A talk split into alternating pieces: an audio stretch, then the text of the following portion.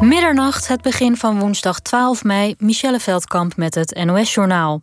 Na de drukte op Koningsdag in Amsterdam zijn minimaal 466 mensen besmet geraakt met het coronavirus, zegt de lokale GGD. En het zou het topje van de ijsberg zijn. Het zijn volgens de GGD met name jongeren tussen de 18 en 24 jaar. Zij maken deel uit van de 17 clusters die premier Rutte al noemde in zijn persconferentie. Rutte zei dat het belangrijk blijft om drukte te vermijden. Uit die coronapersconferentie bleek verder dat het kabinet optimistisch is dat volgende week stap 2 uit het openingsplan kan worden gezet. Vanaf 19 mei mogen dierentuinen, pretparken en speeltuinen dan weer open, net als de binnensportlocaties. Horecaterrassen mogen van 6 uur ochtends tot 8 uur avonds open zijn. Voorwaarde voor de versoepelingen is wel dat de besmettingscijfers blijven dalen. Over het voortgezet onderwijs hakt het kabinet op 25 mei een knoop door. Minister De Jonge is voorzichtig optimistisch over zomervakanties in het buitenland. Er komen reisadviezen per land op de site wijsopreis.nl. De reisbranche is blij met het intrekken van het algemene negatieve reisadvies. Als er ook nog een coronareispas bij komt, kunnen de sector en vakantiegangers zich opmaken en verheugen op een mooie zomer, zegt brancheorganisatie ANVR. Op de website van reisorganisatie TUI was het na de persconferentie drukker dan normaal. Volgens een woordvoerder wordt er niet alleen meer gekeken, maar ook geboekt. Zowel TUI als Corendon verwachten een prijsverhoging. Op het Afrikanerplein in Rotterdam-Zuid zijn drie jongens van vermoedelijk 12 en 13 jaar gewond geraakt bij het afsteken van zwaar vuurwerk. Volgens de politie staken ze een cobra af en ging het mis. Een van de jongens moet een halve vinger missen, de twee anderen hebben last van hun ogen. Ze zijn met een ambulance naar het ziekenhuis gebracht. Het weer. Vannacht blijft het overal droog en koelt het af naar een graad of 9. Morgen eerst volop zon. In de loop van de ochtend ontstaan stapelwolken, maar het blijft droog. Het wordt 15 tot 18 graden.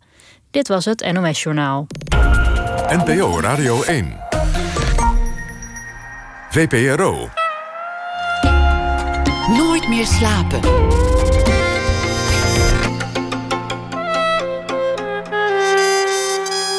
Met Pieter van der Wielen. Goedenacht en welkom bij Nooit meer slapen. De 14-jarige Matthias Groen maakt een afspraak met de goden. In ruil voor een plek in het eerste elftal mogen ze hem verder alles aandoen. En dat doen ze. Wat volgt is een kleedkamerincident. Een erectie, een stijve onder de douche in de kleedkamer waar het hele voetbalteam bij is. Klein incidentje zou je zeggen, maar met grote gevolgen. Het vonnis weer klinkt in spreekkoren die nooit meer zullen zwijgen. Homo. Dries Muus baseert er zijn eerste roman op. De afwijking. Over een vloek afgeroepen over een jonge man. En over hoe een droom in vlammen opgaat en de schuldige uit de gemeenschap wordt weggedreven. Een roman over voetbal, kuddevrees en opgroeien. Dries Muus, geboren in 1985, werkte ook als literair recensent voor het Parool. Hij studeerde filosofie en sociologie, kortom van alle markten thuis. En dit is, maar dat zei ik al, zijn eerste roman. Dries, hartelijk welkom. Wat leuk dat je er bent. Dankjewel, Pieter. Wat een mooie woorden. Dank je. Ben, ben je zelf een groot voetbalfanaat? Ja, ja, zeker. Ja, ik, ik kijk uh, zoveel ik kan eigenlijk. En uh, voetbal zelf ook. Dat ligt nu een beetje stil, uh, ja, omdat het niet meer mag. Um, maar als ik even mijn, als ik een paar uurtjes heb om aan voetbal te besteden, dan, dan doe ik dat wel. Ja. Passief dan wel actief? Ja, liefst, liefst actief. Maar ja, heel veel voetbalprogramma's kijken, dat is ook een, een, goed, een goede tweede, zeg maar. Is er een moment geweest dat, je je grote droom als profvoetballer hebt moeten loslaten? um, nou, op zich was het al in een vrij vroeg stadium was het al best wel duidelijk dat ik gewoon niet dat talent had. Uh, dus ik, ik droomde natuurlijk, zoals heel veel jonge jongens, van toekomst als profvoetballer. En op een gegeven moment kom je er toch wel achter van nee, dit, dit niveau heb ik echt, echt absoluut niet. En dan kom je erachter hoe goed die gasten die, die dat talent wel hebben, hoe goed die werkelijk zijn en hoe groot die kloof is. En dat, dat punt had ik wel uh, redelijk vroeg. Ik, laten we zeggen op mijn 14e, 15 of zo begon het steeds duidelijker te worden van nee, dit, uh, dit gaat hem niet worden. En daardoor is de waardering voor de profvoetballer ook altijd groot gebleven, omdat jij weet hoe vermoeiend en hoe zwaar het is. Ja, en, en hoe uh, ja, eigenlijk geniaal je moet zijn om dat te kunnen. Zeg maar. Dus eigenlijk is, is elke profvoetballer in zijn of haar vak een, een genie. En echt heel veel beter dan de gemiddelde amateurvoetballer. Dat is echt een wereld van verschil. Ja. Het niveau is absurd hoog. Ja, idioot. Ja. Ik las al een stuk over, over je boek en toen dacht ik van tevoren: Goh, ja, een stijfel onder de douche. Moet, moet ik daar dan een heel roman, een heel, heel boek over gaan, gaan, gaan lezen? Ik dacht van hoe kan je van een kleine kwestie toch iets groots maken? En, en ik raakte in het boek en ik ging mee met je personage en ik heb die spanning ervaren. Mhm. Omdat we allemaal jong zijn geweest en allemaal weten hoe, hoe nauw het luistert. Ja. Bij de groep horen, er niet bij horen. Hoe Ja. groot de schande is als je verstoten wordt. En hoe inderdaad één incident. Hier zit natuurlijk een zekere geestigheid aan het incident. Mhm. Maar toch hoe dat, hoe dat nou ja, levensbeëindigend kan lijken Ja. op die leeftijd.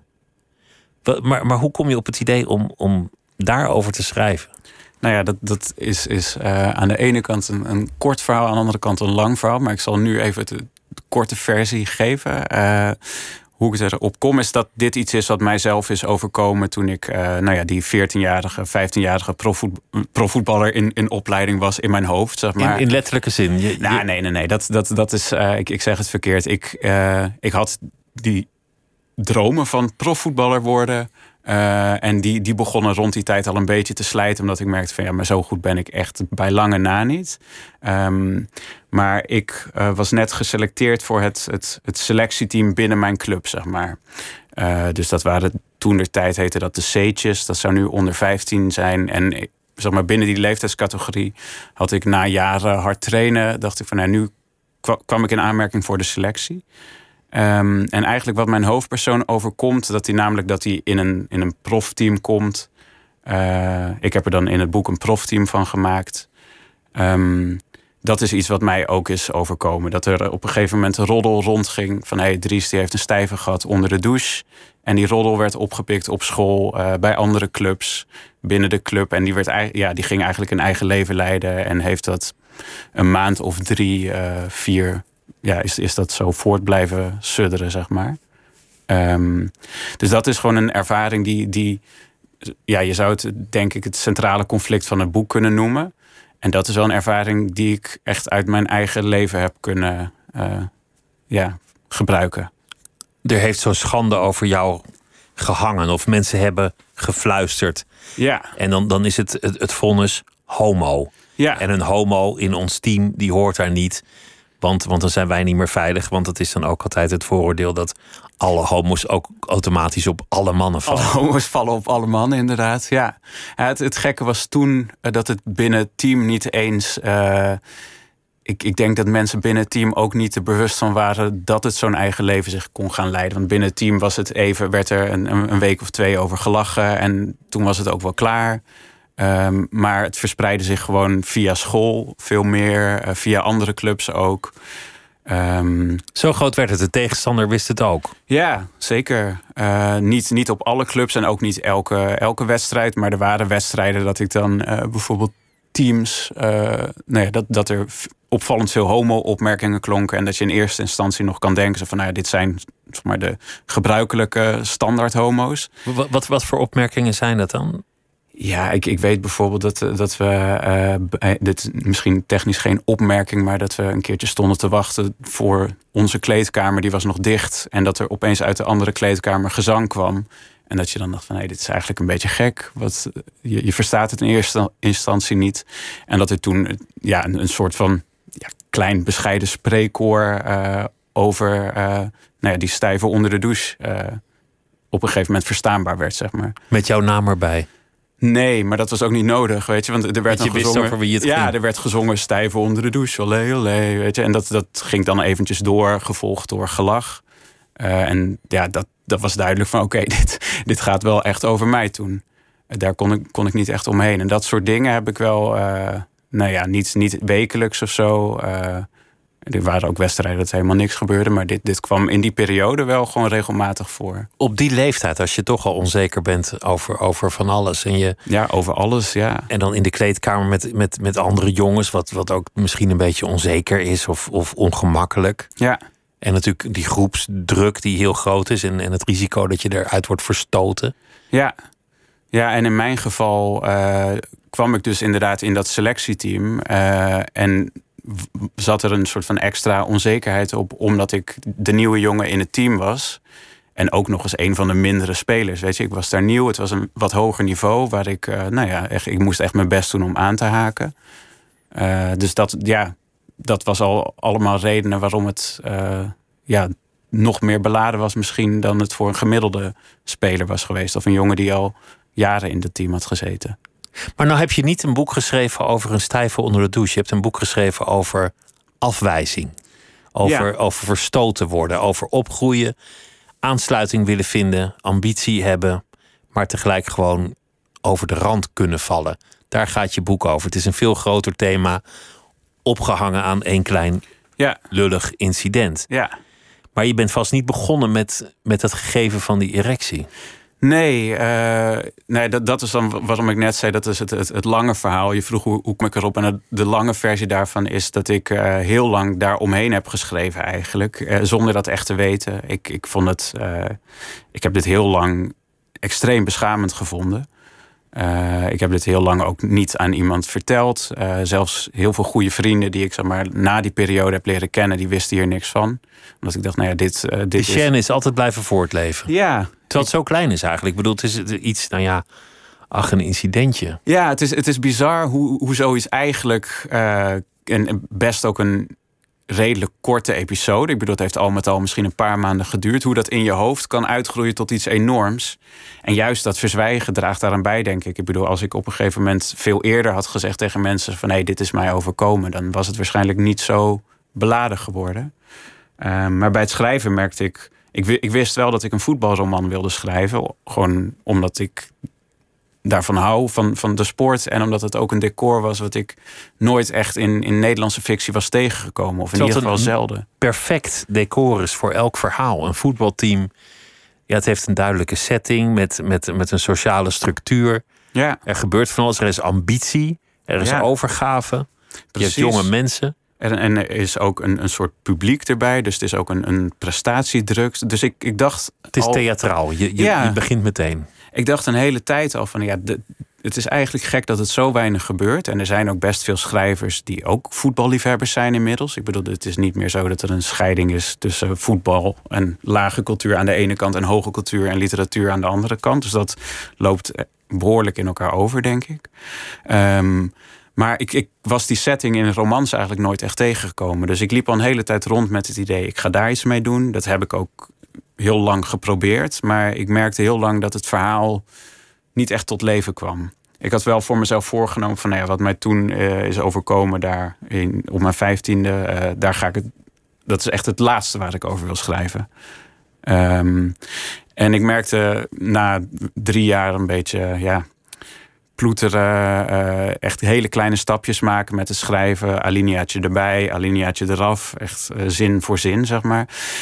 Dat het, ja, dat, dat er gewoon niet genoeg leven in zat. En wat, wat voor plot had je dan bedacht? Hoe, hoe groot was dat? Nou, ik, uh, in, in het boek zit nu, zit nu iets wat, wat een beetje een, een soort van achtergrondverhaal is geworden. Namelijk dat mijn hoofdpersoon een afwezige vader heeft. Of in ieder geval dat hij zijn vader nooit echt gekend heeft in ieder geval niet bewust.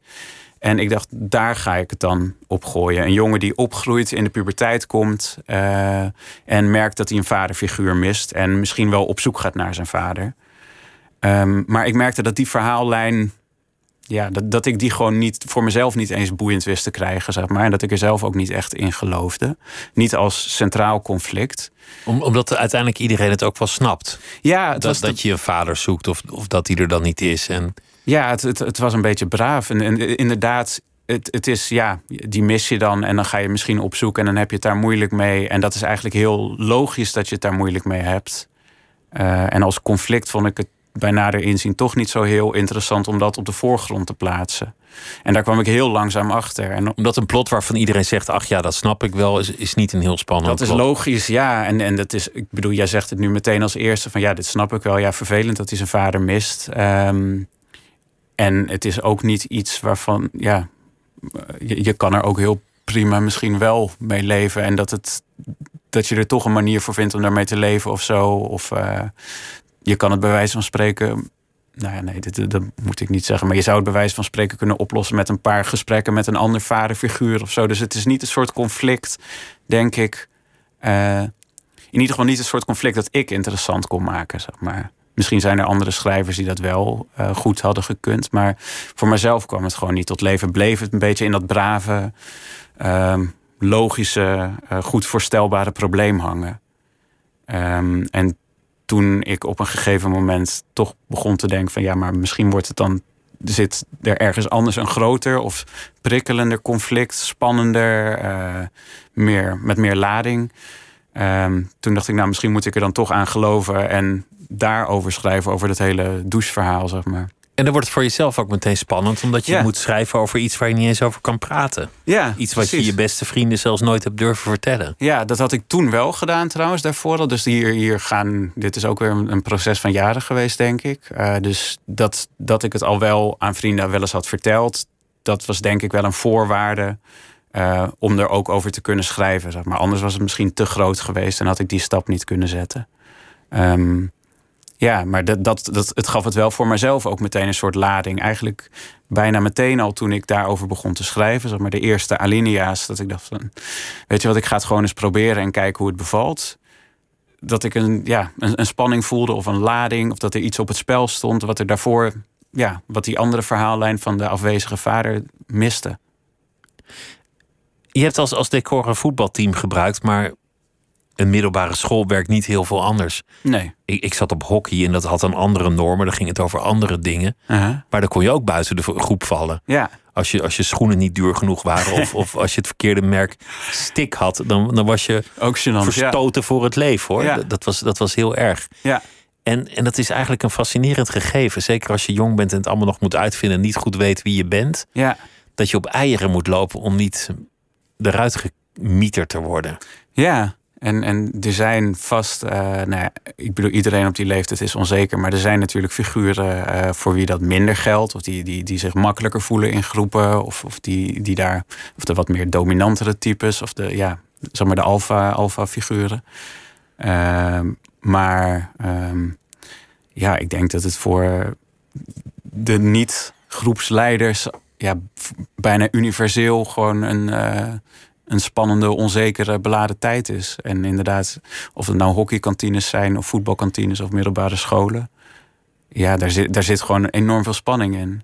Ja. En, en later gaat dat denk ik ook wel door op, op werkvloeren en in andere omgevingen. Ja. Tot, tot in het grote een, een samenleving. Maar veel mensen die, die meedoen in het spreekkoor zijn zelf waarschijnlijk ook bang om er niet bij te horen. Ja, en die gebruiken het dan misschien als een soort middel om, om in ieder geval, ja, zolang jij een van degenen bent die schreeuwt dat iemand homo is of, uh, of dat je oerwoudgeluiden maakt of zo, dan ben jij in ieder geval bij de groep die zich tegen de ander keert. Zeg maar. Dus jij bent dan niet de ander die, die beschimpt wordt. Had, je, had jij veel onzekerheid los van dit incident in je, in je jonge jaren toen je opgroeide? Uh, in het algemeen bedoel je? Ja. Ik, ik heb het idee dat dat wel meeviel. Um, ik heb het idee dat, het, dat er best wel een soort breuklijn te zien is. Uh, nou ja, tussen zeg maar, de, de jongen die ik was voor dit incident en daarna. Dus ik was uh, wat, wat misschien uh, achteraf, als ik dat dan reconstrueer, wat misschien veelzeggend is, is dat ik spits was. Dat is in mijn voetbalteam. Dat is niet een soort positie van jongens die heel erg op de achtergrond willen blijven. Dat is geen bescheiden functie. Het is geen bescheiden functie. Ik, uh, en ik, ik vond dat ook leuk. Ik vond het leuk om uh, nou ja, doelpunten te maken. Om, om, of ik wilde heel graag belangrijk zijn, zeg maar. Als ik mezelf zie als, als jongen voor dit incident, was, is er wel echt een verschil tussen, inderdaad. Ja. Dus ik denk niet dat ik met enorm, daarvoor met extreme onzekerheden rondliep of zo. Wel interessant eigenlijk als het je op zo'n cruciaal moment in je ontwikkeling raakt ja. zo'n kleedkamerincident. Wie, wie had je wel niet kunnen worden als dit niet was gebeurd? Ja, nou ja, in ieder geval geen profvoetballer, maar wel uh, ja, misschien een, uh, iemand die wat, uh, ja, zich wat makkelijker voelde in gezelschap, wat minder wantrouwend. ja, een, een, iemand die wat meer van ja, zich wat vertrouwder voelt bij ook vrienden en bekenden. Want het, is, het, het leidt wel tot een soort onzekerheid die je ook, die, die zich niet alleen uitstrekt, in ieder geval in mijn geval, uh, tot die niet alleen beperkt blijft tot het voetbalteam, maar ook. Uh, het, het, waren ook vrienden van mij bijvoorbeeld, die, die er ook grappen over maakten.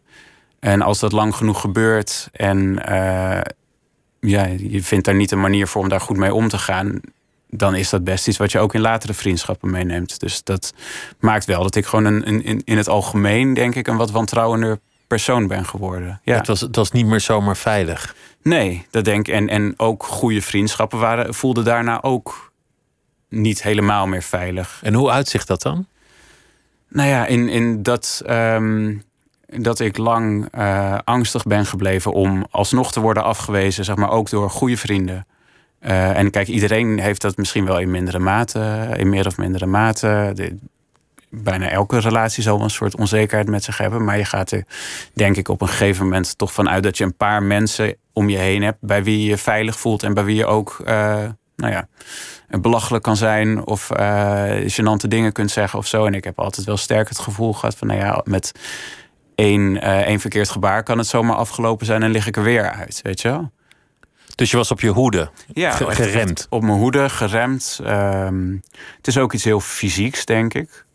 Dus ik merkte gewoon dat ik in, in contact uh, ja, heel snel gespannen werd. En een spanning die, uh, ja, zeg maar zoals andere mensen uh, misschien gespannen zijn voor een sollicitatiegesprek of zo. Dat had ik als ik koffie ging drinken met vrienden, zeg maar. Of een borrel ja, dat, waar dan ook nog meerdere mensen waren en een soort van groepsomgeving. Uh, dat was wel iets, iets wat eigenlijk leuk zou moeten zijn, zeg maar. Uh, daar zat voor mij een hele hoop spanning op. Dat gebeurt natuurlijk veel mensen die gepest zijn. En ja. soms over hele lange duur. Dat, dat dat de rest van je leven invloed kan hebben. Misschien ook wel mensen die niet gepest zijn hoor. Ik bedoel, ik, ik wil, niet, ik, ik wil ook niet alles daarop schuiven. Maar uh, ik, ik denk wel dat dat uh, het, het, het een stuk moeilijker maakt om je ontspannen te voelen bij, bij sociale contacten. Zeg maar. Wat, wat ook wel in, in het boek zit, is een soort, soort cultus van wat het is om een man te zijn. Dat iedereen de hele dag bezig is om te bewijzen dat ze aan de goede kant van de streep der mannelijkheid staan. Ja. En, en mannelijkheid, dat bewijs je dan traditioneel door heel veel te drinken, uh-huh. door, door vooral niet gay te zijn, door, door uh, opmerkingen over vrouwen te maken. Ja. en zo zijn er nog een paar dingen. Uh, af en toe iemand op zijn bek rammen kan ook helpen om, weer, helpt, ja. om weer mannenpunten binnen te halen. Ja. En het is eigenlijk wonderlijk dat, dat die mannencultus de eeuwen heeft overleefd. Ja. Dat we daar nooit vanaf zijn gekomen.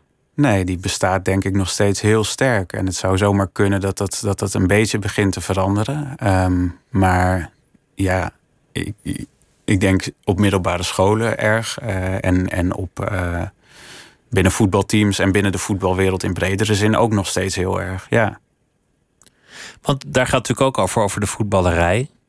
Niet zo lang geleden was Stanley Menso hier, die, die het wel heel ver heeft geschopt als, als ja. profvoetballer. En die vertelde over het, het racisme dat hij mee heeft gemaakt in zijn tijd. Ja. Toen die, toen die kiepte. En ja, dat, ik, vond het, ik vond het echt chockerend om dat ja. uit iemands mond zo recht te horen wat je dan letterlijk naar je hoofd geslingerd krijgt. Ja.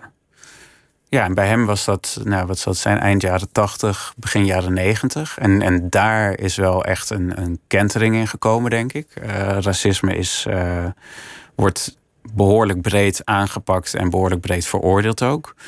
Uh, en er zijn nog steeds incidenten en die zullen er ook blijven. Um, maar die zijn niet normaal meer. Die zijn niet geaccepteerd meer. Terwijl... Gaat niet ongemerkt voorbij, zoals, zoals Nee, vroeger. terwijl, terwijl ook uit het verhaal van mensen... ik heb daar ook veel over gelezen. Daar, dat klonk toch alsof dat nou ja, min of meer wekelijks gebeurde. En, en alsof iedereen zei van... joh, dit hoort erbij, trek je het niet aan. En, uh, en het haalde hem ook uit de wedstrijd. Ja. Dus het had ook echt invloed op, op de uitslag in het slechtste geval. Ja, zeker. Dat zal zeker zijn gebeurd. En, en dat, dat is echt veranderd nu. Dat, dat is, er is nog genoeg racisme binnen het voetbal... en, en waar dan ook. Maar uh, het is niet geaccepteerd meer. En de homofobie? Ja, die, die is er nog steeds wel, denk ik. En, en dat, dat is denk ik een duidelijk verschil met racisme. Um, die homofobie, die, uh, en die bestaat nog, denk ik, in, in ongeveer dezelfde vorm als, als 30 jaar geleden. Dus zeg maar, als je het vergelijkt met, met Menzo um, en zijn worsteling daar is in 20, 30 jaar echt, echt iets in veranderd. En ik denk dat dat met homofobie niet heel anders is. Dat er misschien hele kleine stappen worden gezet, dat geloof ik wel. Uh, maar niet dat er echt dezelfde kentering als bij het, het racisme. Nee. Dat is tragisch, toch? Dat dat Ja. nog steeds om, om voetbal heen hangt. Want Ja, het is een prachtige sport. ja, Het, het is Zeker. hoge kunst wat die mensen op het veld doen. ja. En ik ken heel veel mensen, zoals jij, intelligent, hoogopgeleid, die, die dol zijn op voetbal. ja. En toch lukt het maar niet om die primitieve cultuur uit het stadion te verbannen. Nee, en ik denk ook dat er. ehm, je zegt het, het lukt niet. ehm, maar ik denk ook dat er nog niet heel veel pogingen zijn gewaagd. Kijk, bij racisme is dat misschien een ander verhaal, omdat het op een gegeven moment vrij duidelijk was: van nou ja, hier, eh, hier moeten we iets mee. En dit kan niet verder zo. Eh, en eh, dat, die pogingen die zijn ja, heel beperkt geweest als het gaat om homofobie. Ik Omdat werd ontkend dat er überhaupt iemand op het veld stond die misschien wel heel lang. was. Ja, en het wordt dan heel lang gezegd. En, eh, en ja, er is nog steeds geen openlijk, eh, openlijk homoseksuele mannelijke profvoetballer op dit moment, die, die op dit moment actief is. Ja, dat is met racisme natuurlijk anders. Ik bedoel, je huidskleur, dat valt lastig te verbergen. Ehm, Er zijn een paar scheidsrechters geweest en die hebben het ontzettend zwaar te verduren Ja. gekregen. Ja, zeker. Eh, en die, die hebben het wel gewoon kunnen doen. Of gewoon kunnen doen. Eh, ja, die hebben het waarschijnlijk ontzettend zwaar gehad. Maar de eerste voetballer die zeg maar, zijn, een carrière moet... eh, als openlijke homoseksueel eh, moet zien te volbrengen... Die, ja, die, die, moet nog, die moet nog uit de kast komen. En dat is, dat is heel raar, maar tegelijkertijd ook heel begrijpelijk. Omdat inderdaad die grote initiatieven, die, die zie je gewoon nog niet zo heel erg terug op dit gebied. Weet je, eh, Louis van Gaal en een paar andere spelers die stonden drie jaar geleden of zoiets op een boot op de Gay Pride. En eh, af en toe dragen ze regenboogbanden bij wedstrijden eh, als, als aanvoerdersband. Ehm, en daar blijft het een beetje bij, denk ik. En er zijn wel wat instellingen en organisaties die zich inzetten voor meer diversiteit binnen de sport en binnen de voetbal. En die doen volgens mij hartstikke goed werk. Maar het is niet zo dat het een van de speerpunten van de UEFA of de FIFA of de KNVB is. Neemt dat een hap uit jouw voetbalgeluk? Dat het, dat het niet een, een inclusief warm bad is? Ehm, ik, dat, dat heeft het zeker gedaan. Eh, het, het gekke is eh, dat het als je zelf voetbal kijkt en of zelf op het veld staat, dan ben je heel snel erg gefocust op het veld. Dus dan hou je je ook niet meer bezig met maatschappelijke randzaken. Ja, randzaken. Ik, ik, dit is geen randzaak natuurlijk, maar. eh, nee, maar goed, alle aandacht gaat op dat alle moment naar de aandacht bal. gaat naar het spel uit. Als het dan. Het zijn wel dingen. Als ik voetbal en ik hoor eh, homo gewoon als losje scheldwoord klinken. dan is dat wel iets waarvan ik even denk: ah, dit is, dit is niet goed zoals dat gaat. Ehm, ik moet er ook bij zeggen dat ik dan niet dapper genoeg ben om daar dan een punt van te maken of zo. Eh, Dus dan gaat de wedstrijd op een gegeven moment wel verder. Die moed zou ik denk ik op de gemiddelde voetbaltribune ook niet hebben. Om nee, en dan- op de tribune is het hetzelfde verhaal. Kijk, Ik zou niet naar de F-site toe lopen en zeggen... jongens, wat jullie daar riepen kan echt niet. Nee, Nee. Dus dat, dat eh, het, ja. Dus ja, ja en nee. Kijk, ik, ik ga nog steeds met heel veel plezier naar voetbal. Eh, en ik zit nog steeds met heel veel plezier in een stadion. En eh, als het weer echt kan, sta ik ook met heel veel plezier weer op het veld. Ehm, maar er zijn eens in de zoveel tijd momenten waarvan je, ja, waar je, je waarop je weer even bewust wordt van, nee, wacht even, er is heel veel wat nog niet goed zit en waar iets mee moet gebeuren. Maar het- ja, het zou voor mij nu op dit moment niet een reden zijn om te zeggen, weet je wat, ik kap ermee en eh, Laat maar dat laat voetbal. maar. Ik, ik wil niks met deze wereld te maken hebben. Nee. Ja, jouw personage die, die, die worstelt ook echt met zijn geaardheid. In, in jouw persoonlijk geval was dat helemaal niet aan de hand. Nee, Je, ik bedoel, er was dat incident waarbij je werd verdacht van het hebben van een erectie onder de douche. ja. Maar verder heb je nooit twijfel gehad over de vraag of je op vrouwen viel. Nee, ehm, zeker toen, het, toen dat gebeurde was ik denk ik 15 of zo. En eh, ja, ik, ik denk dat ik gewoon de, de hormonen gierden al een paar jaar door mijn lijf. En het, ja, weet je, ik, ik eh, droomde over meisjes. eh, dus dat, daar bestond toen voor mij geen onzekerheid over. En ik was altijd al verliefd geweest op meisjes. Dus ik hoorde die, die homo's en die scheldwoorden en de opmerkingen en de grappen en zo aan. En ik dacht, ja, dit. ik, ik snap dat het gezegd wordt. Maar dit klopt niet met, eh, met mijn geaardheid. Het is dit niet aan de hand. dit is niet aan de orde. Ik heb wel later, eh, toen ik hier eh, meer over na ben gaan denken en meer mee aan de slag ben gegaan. Ik ben op een gegeven moment deels voor dit soort dingen in, in therapie gegaan omdat ik dacht, ik, moet, ik, ik liep hier zo'n tijd mee rond. Ik dacht, ik moet hier iets mee. Ik moet hier een keer uh, mee aan de slag. Uh, toen was het wel een vraag die meer naar de voorgrond kom, kwam. En dat was echt jaren en jaren later. Uh, toen ben ik op een gegeven moment gaan denken: hé, maar wacht even, ik heb daar eigenlijk nooit serieus over nagedacht. Ik heb dat nooit serieus overwogen. zat er misschien toch een kern van waarheid in?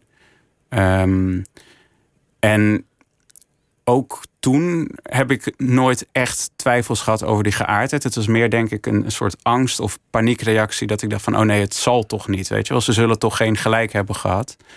En er hing, een, uh, er hing voor mij dus een, een extreme taboe omheen, als het ware. Uh, dus dat, er was toen een periode geweest dat ik me daar even uh, mee bezig heb gehouden. Dat ik daar even over heb nagedacht. Um, maar dat werd meer getriggerd omdat ik er in, in zeg maar, psychologische zin mee bezig was dan dat ik, uh, ik zeg maar wat een jongen ergens zag lopen en me daartoe aangetrokken voelde. Je werd niet op slag verliefd of zo, daar kwam de, kwam nee, vraag niet van. Nee, het was, het was eigenlijk iets heel cerebraals. Weet je, ik was ermee bezig en, en, en ik. Uh, hoe, hoe werkt dat dan? Was, was het dan de gedachte van iedereen roept het en heb ik er daarom nooit over nagedacht?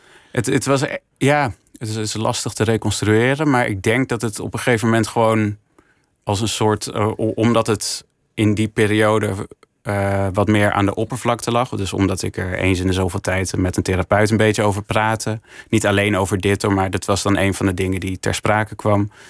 Dat ik op een gegeven moment dacht van nee, maar eigenlijk uh, heb ik het nooit, überhaupt de optie nooit overwogen of serieus genomen. En dat is misschien ook een beetje raar.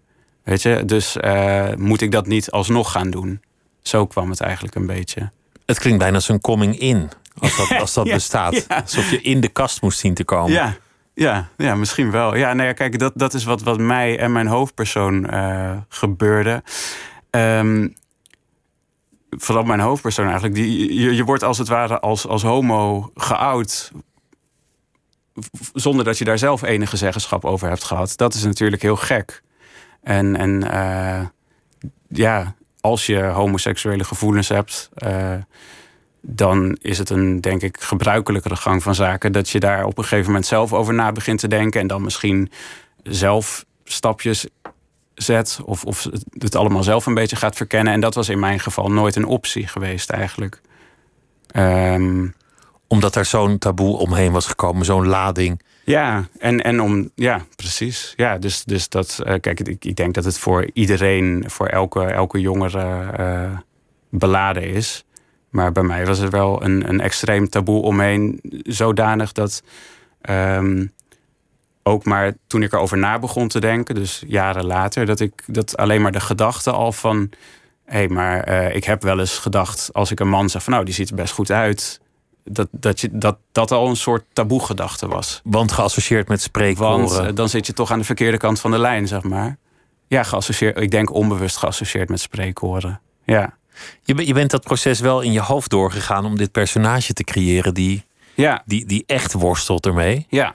Als je, als je hem alsnog hetero had laten zijn, dan, dan was het natuurlijk ook een soort gek happy end geweest van, uh, nou ja, het is allemaal goed gekomen. Hij, hij bleek toch hetero. Ja, uh, hij mag weer meetrainen, zeg maar. Ja. Ga, ga, maar lekker slapen, lezers. Het, het, het, was allemaal zo erg niet. Het is natuurlijk niet de ontknoping die je, die je zoekt ja. van, van een boek. Nee, en dat dus, dus dit is de interessantere versie. Maar waar kon je daar makkelijk je in verplaatsen? Ja, dat, dat was eigenlijk... Uh, was niet heel moeilijk, omdat, omdat ik dus inderdaad de, de ervaring heb van uh, nou ja, de, de paniek uh, en, en de stress. Uh, bij zelfs maar de minste verdenking van een, een gedachte of een gevoel dat, dat niet binnen de, de geaccepteerde gevoelens past. En uh, het was dan niet heel moeilijk om dat ja, een beetje aan te vullen, zeg maar, uit te breiden met, uh, met wat mijn hoofdpersoon meemaakt.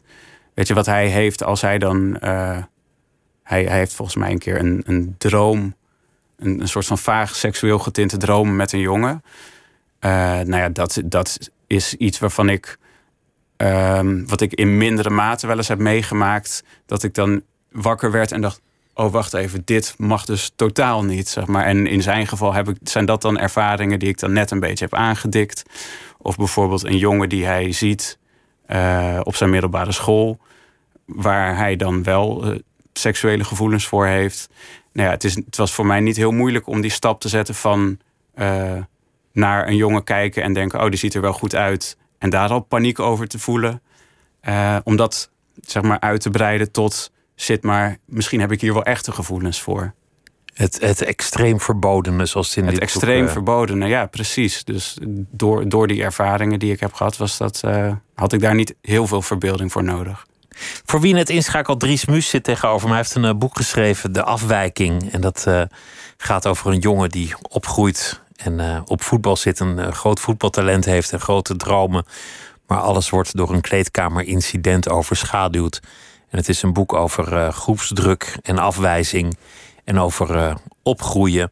En ergens in de achtergrond zit er ook nog wel het, uh, het zoeken naar een vaderfiguur in. Jij, jij hebt je vader wel altijd gekend, maar je ouders zijn wel gescheiden. Ja. Hoe oud was je toen dat gebeurde? toen was ik twaalf, ja. Dat is, dat is wel een gevoelige leeftijd, denk ik, om, om, om het huwelijk van je ouders te zien stranden. Ja, dat, dat was het denk ik ook wel. Maar uh, het is tegelijkertijd ook een, een, hetzelfde als met dit, het eerdere conflict waar we het over hadden. Is het, is het ook een leeftijd waarop uh, je dit soort dingen nog niet zo heel goed beseft. Dus je beseft eigenlijk niet hoe, hoe groot het is en wat voor impact het heeft. En ook zo'n scheiding, uh, daarvan heb ik jarenlang gedacht van nou, dat hebben we nooit zo'n last van gehad. ja, het was even pijnlijk en vervelend. En eigenlijk pas redelijk recent kan ik denken van, oh ja, misschien heeft het me toch wel meer gedaan op een heel onbewust niveau dan dat ik altijd heb gedacht. Ja. Maar dat, dat weet je gewoon nog niet als je twaalf bent. Je hebt geen idee, want het is zoiets raars en onbevattelijks. Ja. En, en daar moet ik ook bij zeggen, het, het was geen, uh, niet om het allemaal nu te bagatelliseren alsnog hoor, maar het, het was ook niet een, een dramatische scheiding in die zin dat, dat uh, er niet met servies werd gegooid. En dat er geen, geen bloedbad was het. Het was een heel, eigenlijk, ja, voor zover een scheiding amicaal kan zijn, maar een behoorlijk amicale scheiding. En, en dat maakt het misschien ook laat, op, ja, op latere leeftijd makkelijker om te zeggen, nou, dit viel wel mee. Zeg maar. Toch zei je van het heeft later wel invloed gehad. Was, was het dan de gedachte dat jij het wel wilde laten slagen? Een, uh, een relatie bedoel ja. je? Um, Nee, dat, dat denk ik niet zo eigenlijk. Nee, ik, als dat zo is, ben ik me daar niet heel erg bewust van. Ik heb niet het idee gehad van ik, uh, als ik een relatie in van oh ja, dat mag nooit gebeuren of zo. Nee. Ik bedoel, als het gebeurt, ja, dan zou het uh, pijnlijk zijn. Dat liever, is altijd pijnlijk. Liever natuurlijk. niet natuurlijk, maar nee, het, dat is niet een soort nachtmerrie van ten koste van alles mag dat niet gebeuren. Nee. Wat was het dan, de, de invloed die je, die je later tegenkwam? Ja, ik, ik denk echt iets, iets uh, als ik nu zo terugkijk op nou ja, de, de 12, 13, 14-jarige die ik was, was het uh, ja, een, een, emotionele, fysieke reactie, zeg maar. Uh, dus ehm, misschien een soort, dat er toch een soort woede over zat, waar ik me geen raad mee wist. Um, en die er dan uitkwam op momenten die eigenlijk totaal niet belangrijk waren. Nou ja, op het voetbalveld bijvoorbeeld. Uh, rond mijn twaalfde, dertiende of zo begon ik voetbal echt heel serieus te nemen. Maar kon ik ook echt eh, uit mijn vel springen, zeg maar, om hele kleine suffe dingen. En eh, als ik daar achteraf naar kijk, denk ik, ja, maar dat was niet de woede die ging om één verkeerde paas of zo, weet je. Maar goed, daar hebben volgens mij heel veel voetballertjes last van dat achterstallige woede zich op het veld ineens ja. openbaart. Ja, zeker. Heeft ja. ook te maken met de emotie die juist zo mooi is aan het spel. Ja, zeker. Het is dat, ook... dat je totaal flipt om, om een bal en, en twee latten. Wat, wat, wat ook wel weer charmant is. Ja, zeker. Nee, dat heeft ook iets charmants. En ik, ik kan daar ook wel om lachen. Maar ik kan me, dat is misschien maar uh, misschien één voorbeeld of zo. Uh, ja, het is lastig te zeggen. Ik denk dat je dat op die leeftijd, dat het dat gewoon zoiets iets groots is, zo'n scheiding, dat, dat je eigenlijk geen benul hebt dat het je überhaupt raakt. En het is alleen iets waarvan ik nu achteraf kan zeggen, nou misschien waren die, uh, die driftbuien, uh, ja, had het daar iets mee te maken. Ik hoorde laatst je, je broer een uur op de radio bij Miss Podcast op de, op, op de weg naar huis. Ja. Hij is ook gaan schrijven onder meer en, en acteren. Ja. Heel creatief. Dus wel interessant dat jullie allebei zijn gaan schrijven. Is, is dat iets dat vanuit huis heel erg werd, werd meegegeven? Uh, ja, eigenlijk wel. Het, het, het, werd in ieder geval gewoon. Er was alle ruimte om het te doen en alle mogelijkheden. Het was niet dat, dat onze ouders tegen ons hebben gezegd: van nou, jongens, weet, wat, weet je wat jullie eens moeten doen? Schrijven. Dat is nou geweldig. Dat is meer iets wat uit onszelf kwam, wat wij heel erg leuk vonden. Uh, en wat we eigenlijk altijd op een heel vanzelfsprekende manier hebben gedaan. Zonder dat onze ouders nou per se uh, langs de zijlijn stonden te juichen of alles wat we deden geweldig vonden of zo. Ja. Waren je ouders zelf creatief? Uh, ja, en, en deels. Ja, mijn, mijn vader uh, is, zijn allebei met pensioen nu. Mijn vader heeft een tijd gewerkt als fotograaf, zelfstandig fotograaf. Daarin lag lange tijd, denk ik, zijn creativiteit en zijn grootste talent. En is daar op een gegeven moment mee opgehouden. nou ja, om, om wat voor redenen dan ook. En, en is wat, misschien wat meer steady, goed betalend werk gaan doen. Of beter betalend werk in ieder geval.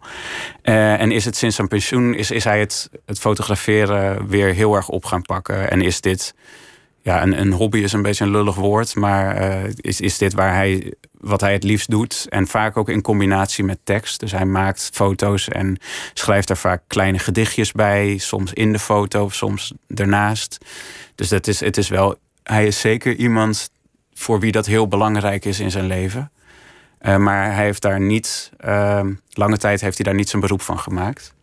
En ik denk dat mijn moeder um, is een ongelofelijke lezer, terwijl zij niet uit een leesgezin uh, komt. Niet, niet uit een omgeving waarin dat normaal was en waarin, uh, waarin de boekenkasten goed gevuld waren.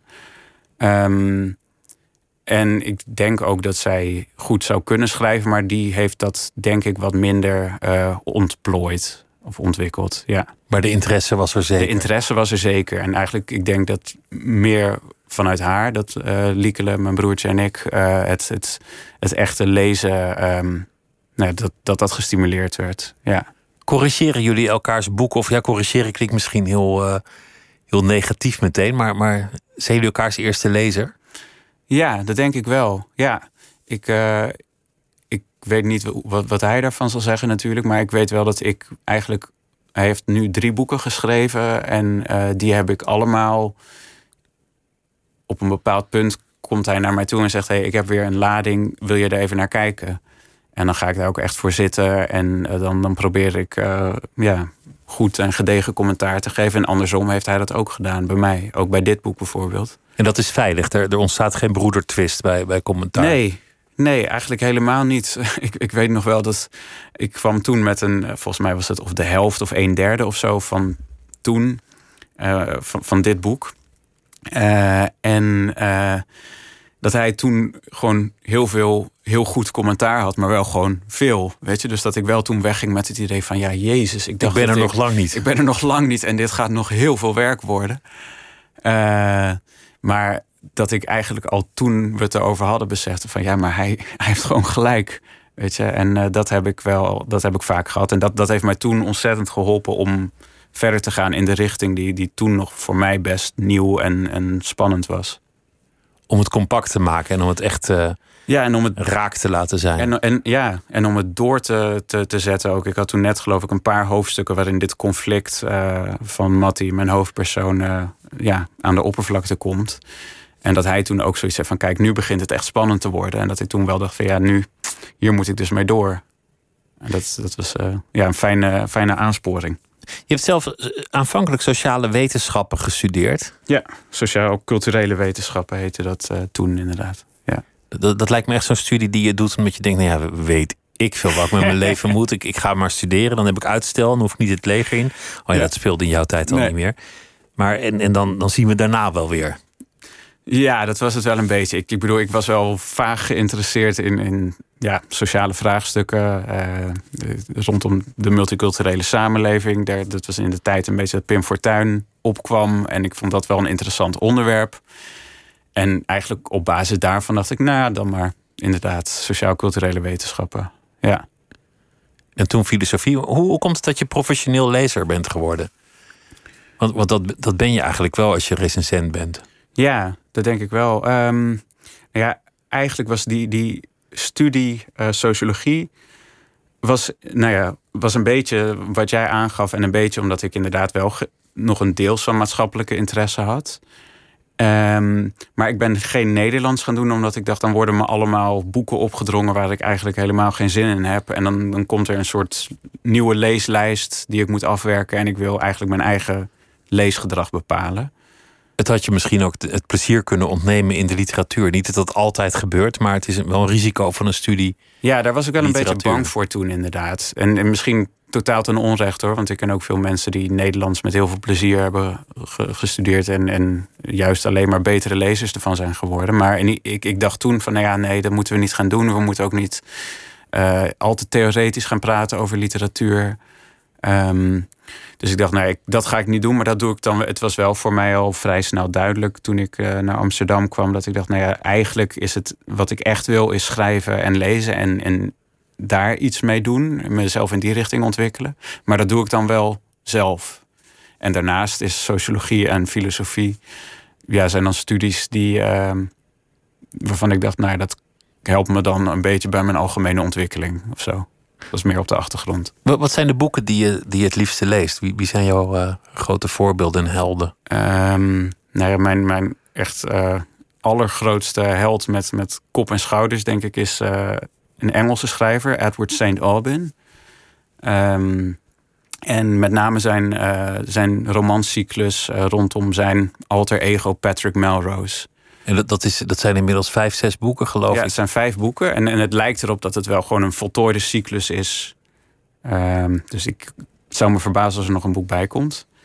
En dat, um, ja, die, die, zijn, die heb ik eigenlijk niet heel lang geleden gelezen. Ik denk op mijn 30ste of zo, 29ste. En voor mij was dat de meest uh, ja, wonderlijke, uh, geweldige leeservaring die ik uh, nou ja, misschien wel ooit heb gehad.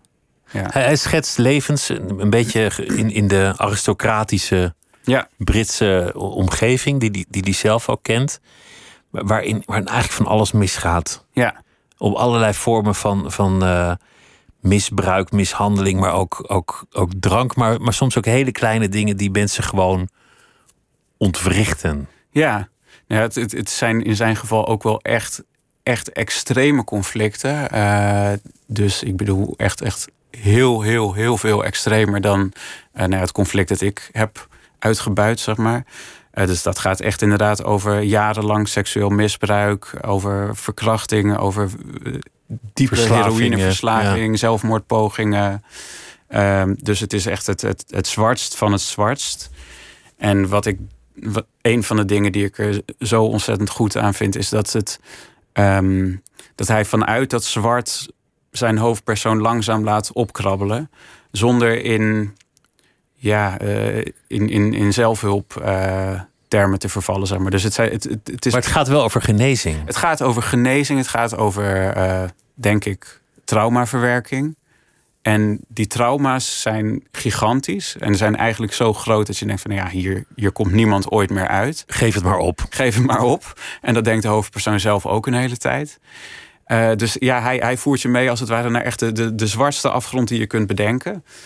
En daar voert hij zijn hoofdpersoon ook weer uit. En dat doet hij ook op een manier die, die geloofwaardig is. En die psychologisch geloofwaardig is. En die niet sentimenteel wordt. Op geen enkel moment eigenlijk. En, en toch is het diep ontroerend en heel uh, wijs. En, uh, ja, en ook gewoon ongelooflijk goed geschreven.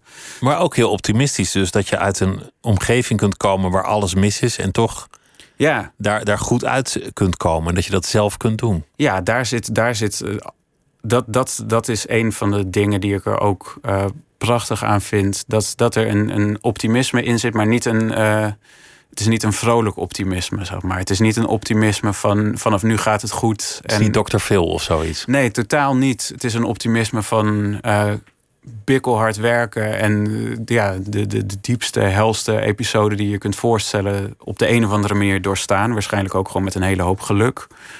En, en dan op een gegeven moment op een punt in je leven uitkomen dat je terugkijkt en denkt: Jezus, ik ben uit de zwartste ellende. Ik, ik sta aan de overkant, zeg maar, maar geen idee hoe dat is gelukt. Uh, en ik vind dat hij dat proces, uh, nou ja, ik heb dat nog nooit ergens zo diep uh, invoelbaar gemaakt gezien worden. Met zoveel verfijning en toch ook, ook wel met, met een zeker groot gebaar geschreven. Groot gebaar, uh, maar wel heel compact. Het zijn hele compacte boeken. Uh, en het is stilistisch heel, um, het is heel mooi. Het zijn mooie, ritmische, elegante zinnen. Maar ook heel, er zit ook heel veel venijn in. Um, ja, dat, ja ik, en, en ik had het idee toen ik het las van deze man die zegt in twee, drie regels waar ik en andere schrijvers ook uh, hele hoofdstuk of hele romans voor nodig hebben. Zeg maar. Dus ik kwam niet zo heel lang geleden in een, uh, in een ander artikel, ik weet niet eens meer wat, kwam ik de term dichtheid van betekenis tegen. En ik vond dat een hele mooie. Ik had bij hem het gevoel van in, in elke alinea, in ieder geval in die romans, die hebben een enorme hoge dichtheid van betekenis. Dus er zit geen woord te veel en er zit geen woord in waar geen, geen zin in, waar geen lading in zit. Ja. Dat is mooi gezegd. Er, er zit één, één lezer in jouw boek, en dat, dat is de, de moeder die ook in een, in een uh, boekwinkel werkt. Ja. En ja, die, die teleurgesteld is in het leven en ook angstig om opnieuw te beginnen of om verder te gaan. Ja. En, en via dat personage kan je ook dingen zeggen over de, over de literatuur. Ja. Zij is duidelijk een lezer. Maar ze heeft eigenlijk ook wel een beetje een mening over de mensen die in die boekwinkel komen. Met, met Ja. alle meningen en hun, hun, hun makkelijke paadjes over literatuur. En dat, dat, dat vond ik ook geestig, omdat ik natuurlijk weet dat jij zelf recensies schrijft. Ja. Du- Dus, dat- dus dat je in die zin ook misschien zelf iets hebt kunnen ventileren wat je, wat je voelt over de wereld van, van het boek en de lezer. Ja, deels wel. Eh, deels dacht ik ook. Kijk, het lijkt mij echt eh, verschrikkelijk om in een winkel te werken. Om, om zo eh, ja, in, in het zicht te staan, als het ware. En zo sociaal te moeten zijn, dag in dag uit. Eh, en ik, ik vond dat een, een soort van grappig contrast met de persoonlijkheid van eh, die Matties moeder, Lise. Eh, dat, ik denk dat dat ook iemand is die het liefst gewoon nou ja, op zichzelf had gewerkt, misschien had willen schrijven, maar daar nooit de, de mogelijkheid voor heeft gevonden. En die dus gedwongen is om dit werk te doen waar ze eigenlijk helemaal niet toe uitgerust is. Want je staat achter zo'n kassa en je weet bij God niet wie er binnenkomen. Je hebt ze ook niet uitgenodigd. Nee, en je hebt er ook helemaal geen zin in. in dat, dat is wat ik bedoel. Ze, ik, ik denk dat zij uiteindelijk wel goed is in haar vak en het zo lang heeft gedaan. En ook gewoon zo goed geïnformeerd is en goed onderlegd. Dat ze, dat ze wel gewoon een, een goede verkoopster is geworden door de jaren heen. Maar het is denk ik wel iets wat. eh, ja, waar ze niet in eerste instantie voor zou hebben gekozen. En wat ook niet past bij haar toch wat ja, introverte, asociale persoonlijkheid. Zeg maar. En de mensen die in de winkel komen, die weten wat goed is. Ja. Eh, een oeuvre wordt helemaal de hemel in geprezen vanwege één succesvol tv-optreden. Ja, Andersom kan een, een fantastisch meesterwerk terzijde worden geschoven van, vanwege één zinnetje ja, van een recensie. Of een online recensie of, of wat dan ook. ja. Nee, dat, dat, dat vond ik wel een mooi gegeven. Mensen die een mening hebben over elk boek zonder het gelezen te hebben. ja dat, dat is wel iets wat ik zelf wel vaker hoorde eh, van mensen die. eh, als, als mensen horen dat ik recensent ben, eh, dan komen ze zelf vaak met hun eigen ervaringen. Maar dat zijn dus niet altijd leeservaringen. Dat kan ook zijn van. Ik zag die en die schrijver gisteren op tv. Wat een eikel is dat, zeg maar. En dat boek, dat lijkt me ook niks. Dus dat gaat, dan, dan komt er eigenlijk een recensie van het tv-optreden... en dat oeuvre wordt in één moeite door meegenomen, zeg maar. Eh, en ik vond dat... Ik, ik denk dat dat vaak gebeurt, eigenlijk. Die indruk heb ik ook wel eens. Dat, dat een belangrijk tv-optreden voor een schrijver meer doet dan een jaar meer of minder aan je boek sleutelen. Als, als iemand heel sympathiek eh, uit de verf komt... en, en eh, ja, het goed doet op het scherm... dan eh, gaat het vaak ook heel goed met die boeken. En vinden mensen die boeken ook automatisch heel erg leuk, denk ik. En als iemand echt nou ja, heel slecht uit de verf komt... maar een heel goed boek heeft geschreven... dan zullen er toch een hele hoop mensen zijn die... ja, het, het, of dat hele boek terzijde schuiven. Ja, dat denk ik wel. Of het nooit, eh, nooit zullen, zullen meemaken. Nee, of er, er überhaupt niet aan beginnen, inderdaad. Maar dan wel een mening hebben over die schrijver. Zeg maar. Dus dat is. eh, Ik, ik, heb het idee dat mensen dan eerder zullen denken: nou, die, die schrijver is niks. Dat zullen ze dan misschien ook zo uitspreken. Eh, omdat het tv-optreden niks was. Maar niet zo van, nou ja, die schrijver is niks. Maar misschien moet ik toch eens dat boek erbij pakken om te kijken of het toch wel goed kan zijn. Gelukkig is er in Nederland ook een soort ondergrond circuit van, van lezers die elkaar heimelijk boeken toestoppen en aanraden. Ja. En, en dat is nog steeds een van de grootste kanalen van publiciteit van elk boek. Ja. Goh, ik heb nou toch iets gelezen, dat moet je meemaken. En dat overtreft volgens mij zelfs het belang van, Van recensies en TV-optredens, tv-optredens. Ja, ik, ja, misschien wel. Het zou, het zou mooi zijn. Het zou, eh, het zou eh, ja, rechtvaardig zijn op een bepaalde manier. Maar Wat, wat zijn jouw dromen eigenlijk in, in, het, eh, in het bestaan? Eh, in, in het algemeen bedoel je? Of, ja, waar, eh, waar, waar- waar- wat zou je nog eens willen in je leven? Wat, Eh, nou, in, in, in algemene zin, eh, ja, het, het, het zijn niet hele spectaculaire dingen. Ik, eh, ik, het, het lijkt me leuk om kinderen te krijgen. Eh, het lijkt me verschrikkelijk zwaar en een, een, ja, niet makkelijk. En ik heb genoeg vrienden en familie eh, die, die kinderen hebben. En ik, ik heb het van dichtbij gezien. Genoeg, denk ik, om te weten dat het eh, zwaar is. En lang niet alleen maar leuk. Misschien heel vaak, heel vaak niet leuk. Maar het lijkt me wel iets heel moois en, en, en waardevols. En iets wat ik gewoon altijd graag heb gewild. Eh, ja, het is eigenlijk extreem burgerlijk, wat ik hier nu zeg. Eh, hele volkstammen doen het. Ja. eh, en, en ja, wat betreft het, het werk. ehm, ik, ik, ik zou het geweldig vinden om te kunnen blijven schrijven. En om daar ook van te kunnen leven. Dat is ook een, een grote illusie. Dat is, ja, dat, dat is niet heel veel schrijvers gegeven, denk ik. Maar het, het, het moet toch iets fantastisch zijn om je in de hoofdzaak te kunnen concentreren op jouw boek en jouw ideeën daarover. Maar dat, is- dat is wat je het liefste doet. En je, je, hebt, ook, je hebt ook jezelf, of nee, jezelf, je hebt Spaans geleerd. Ja, ja klopt. Ja, ja dat, ik, ik eh, kwam op mijn 24ste of 25ste of zo voor het eerst in Spanje. En dat was eigenlijk eh, ja, liefde op het eerste gezicht, denk ik. Eh, dat klopte meteen. Dus dat zou je ook nog wel een, een droom kunnen noemen. Ik fantaseer wel eens over, oh, het zou mooi zijn om in Spanje te wonen. Echt eh, concrete stappen om dat waar te maken heb ik nog niet echt gezet.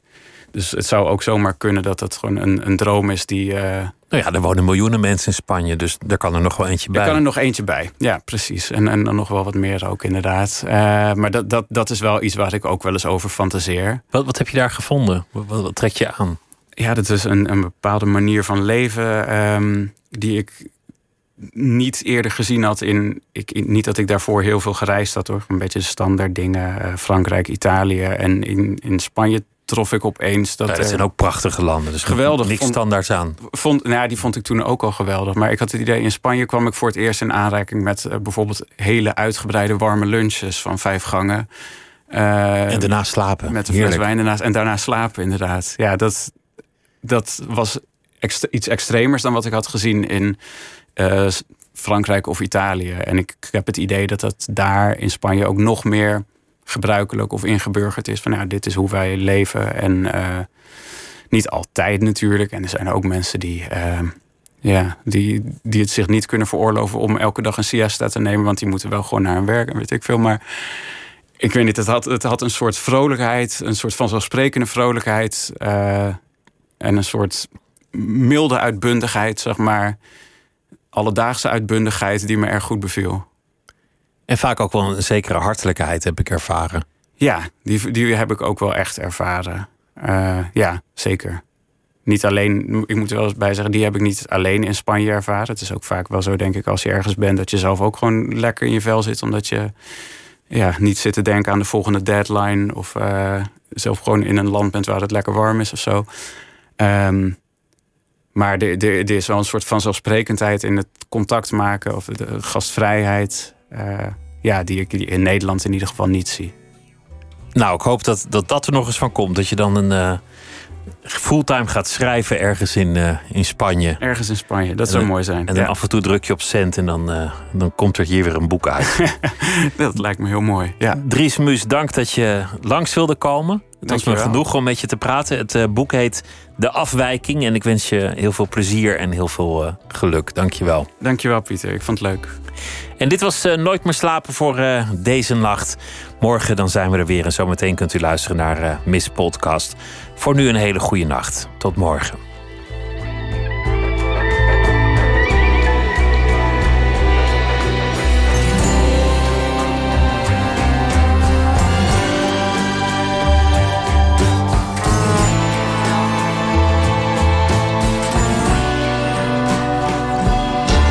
Op Radio 1, het nieuws van alle kanten.